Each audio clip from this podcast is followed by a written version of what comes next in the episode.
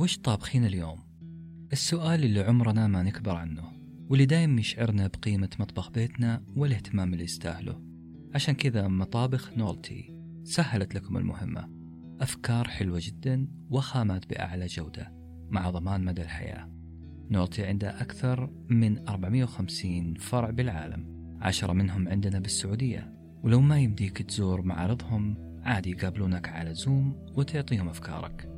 وخذ لك في طريقك خصم على 35% من القيمة بصندوق الوصف معلومات أكثر عن نولتي كيتشن الألمانية.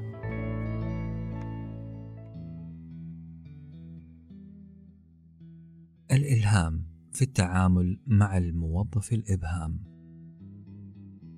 فوجئت بردة الفعل الإيجابية جدا من أحد الموظفين المتمرسين في الخبرة. بعد ما استدعيته لحضور أحد الاجتماعات مع الإدارة العليا عشان نناقش أحد المشاريع. هذا الموظف كان له بعض المساهمات الاستشارية. كنت أعتبر أن الشيء اللي فعلته شيء طبيعي كنوع من الامتنان لما قام به. ومن باب المكافأة المعنوية تأكيدا لأهميته في المنظومة في الشركة بشكل عام. هو يعلم أن المكافأة الكبرى أو الجائزة العظمى ستذهب لشخص آخر. ولكنه اكتفى بما هو متاح من الاعتراف ضمنيا بأنه جزء لا يتجزأ من صناعة النجاح الأكبر. هذا الشخص كأنه كأنه الرياضي المحترف اللي يقوم بدور مشابه لما يحصل في مسابقات ألعاب القوى المحترفة. دور متسابق يسمى بأرنب السباق. هذا المصطلح اللي عرف لأول مرة عام 1954 من المعروف أن الاتحاد الدولي لألعاب القوى ينظم مجموعة من اللقاءات للرياضيين المحترفين في ألعاب القوى. هذه اللقاءات تنتقل من بلد إلى بلد ومن مدينة إلى مدينة في جميع أنحاء العالم خلال الموسم الرياضي. المنظمين يحرصون على أنه يكون الملتقى هو الأشهر هو الأفضل مقارنة بأي ملتقى آخر وعشان كذا كانوا يسعون حثيثا لتحقيق الشهرة والأرباح المادية. واحدة من الطرق اللي كانوا يستخدمونها لتحقيق هذا الهدف هي مشاركة كبار الرياضيين للحصول على الزخم الإعلامي والجماهيري ومن ثم الرعاة. ما علينا في المقابل. الرياضيين الكبار المشاركين في هذه الملتقيات يحاولون كسر الأرقام القياسية. لذلك هم يشترطون على المنظمين توفير جميع سبل النجاح لتحقيق هذا الهدف. واحدة من سبل النجاح هي توفير أرنب للسباق. وبالتحديد لسباقات المسافات الطويلة والمتوسطة. الأرنب طبعا ما هو أرنب حقيقي. الأرنب هو رياضي محترف متمكن. دوره في هذه المسابقة هو تسريع السباق والتحكم بنسقه. بحسب الخطة الموضوعة مع المنظمين والأبطال. والهدف طبعا المساعدة في تحطيم الرقم القياسي. يذكر أن الأرنب يجب أن ينسحب في منتصف السباق عشان يترك للباقين باقي المتنافسين يترك لهم مجال للتنافس على الجائزة الكبرى عشان يحصلون على المجد والشهرة. هذا المتسابق الأرنب له في النهاية جائزة مالية تزيد كلما زاد نجاح المهمة التي وكلت له. إذا أرنب السباق هو شخص محفز للباقين وله دور إيجابي ما حد يتجاهله من المسؤولين. في بيئة العمل ما أجمل أن ينتبه المسؤولون لأرانب السباق داخل المنظومة؟ ما أجمل ألا يخسروهم مبكرا حتى لا تصبح المسابقة كلها مسابقة سلاحف. وجودهم داخل المنظمة مهم. مهم جدا كما هو مهم إصبع الإبهام في اليد. الإبهام هو الإصبع الذي يتميز عن باقي الأصابع في شكله وفي وظيفته واتجاهه. يعتبر متميز حيث أنه يكمل المهام الضرورية لليد كالإمساك والضغط. كذلك إحنا نستخدمه كبصمة لتوثيق كثير من المعاملات الحكومية. أثر هذا الإصبع واضح جدا في حياتنا. هؤلاء الموظفون قد يكونون الخبراء من مواطنين أو أجانب أو الموظفين الشباب أو حتى من يعملون في الخدمات المساندة كالسكرتاريا أو مسؤوليات التنسيق والمساندة على اختلافها. المهم هنا هو الوضوح في تحديد أدوارهم وإظهار الامتنان والعرفان بما يقومون به. فعن طريق الموظفين الإبهام أو الموظفين الأرانب. نستطيع أن نستخرج الأفضل من الجميع مع عدم تجاهلهم تماما في الحصول على جزء من المكافأة الكبرى.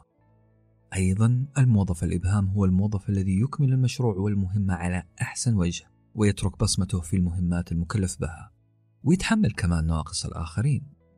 ممكن توكل له مهمات أخرى مهمات إنجاز أخرى خارج مهماته الأساسية. زي ما إحنا في عصر التقنية زادت مهمة الإصبع الحقيقي إصبع الإبهام زادت تعقيدا. صار يؤدي مهام جديدة زي تحديث ال timeline مثلا في تويتر أو طباعة رسالة واتساب أو تصفح الإنستغرام أو التنقل بين قصص سناب شات. هذا الحمل الزائد قد يؤدي إلى انهيار وإجهاد أوتار وأعصاب الإبهام. لأنه عبء إضافي. إذا ما أحسن التعامل مع هذا الإبهام في الوقت المناسب قد يحصل الانهيار. وهذا الانهيار يحدث تدريجيا وله علامات يجب الانتباه لها نفس موضوع الإبهام الحقيقي يحصل مع الإبهام المجازي في بيئة العمل على الإداري الاهتمام بالموظف الإبهام وعدم إجهاده ومن ثم الوصول به إلى ما يعرف في علم الموارد البشرية مرحلة الاحتراق الوظيفي. الاحتراق الوظيفي هو حالة من الإنهاك الفكري والعاطفي والجسماني نتيجة الاستغراق الغير متقن في العمل. استطلاع أجرته جمعية إدارة الموارد البشرية الأمريكية يقول: إن الإرهاق والاحتراق الوظيفي هو أحد أهم أسباب استقالة الكثير من الموظفين. كإداري ومسؤول جديد يجب عليك تدارك الأمر مبكرا قبل أن يصل الموظف الإبهام إلى مرحلة الاحتراق الوظيفي. يجب أن لا يتخطى مرحلة كونه أرنبا للسباق، أرنب سعيد بما يعمل. يجب أن نلاحظ كثير من الأعراض وعلامات الإنذار المبكرة اللي ممكن تؤدي إلى هذه المرحلة من الاحتراق الوظيفي. خلينا نذكر أهمها وهي.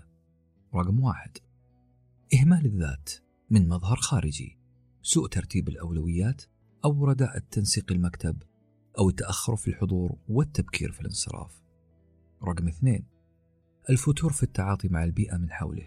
يعني يكون بارد شوية في التعامل مع الآخرين أو ينتقد كثيرا. ينتقد الوظيفة مجريات الأمور أو الأشخاص وخصوصا المدراء والزملاء على اختلاف مستوياتهم. رقم ثلاثة إظهار إشارات جسدية أو لغوية سلبية. يمكن ملاحظتها طبعا. زي عدم الرضا عن العمل أو ممكن تجدها في التقييم السنوي. إذا حصلت هذه الأعراض بعضها أو كلها هنا نقدر نضع في الاعتبار بعض الاقتراحات خاصة للمدراء الجدد في كيفية التعاطي مع إيقاف احتراق الموظف الإبهام الوظيفي. أول اقتراح تغيير المكان أو طبيعة المهمات الموكلة للموظف. بقاء الموظف في مكان واحد أو القيام بنفس العمل لمدة طويلة كفيل بالدخول في هذا النفق المظلم بل في هذا الفرن الذي يؤدي للاحتراق حتى إذا الموظف ما صرح بذلك أنت لازم تكون لماح.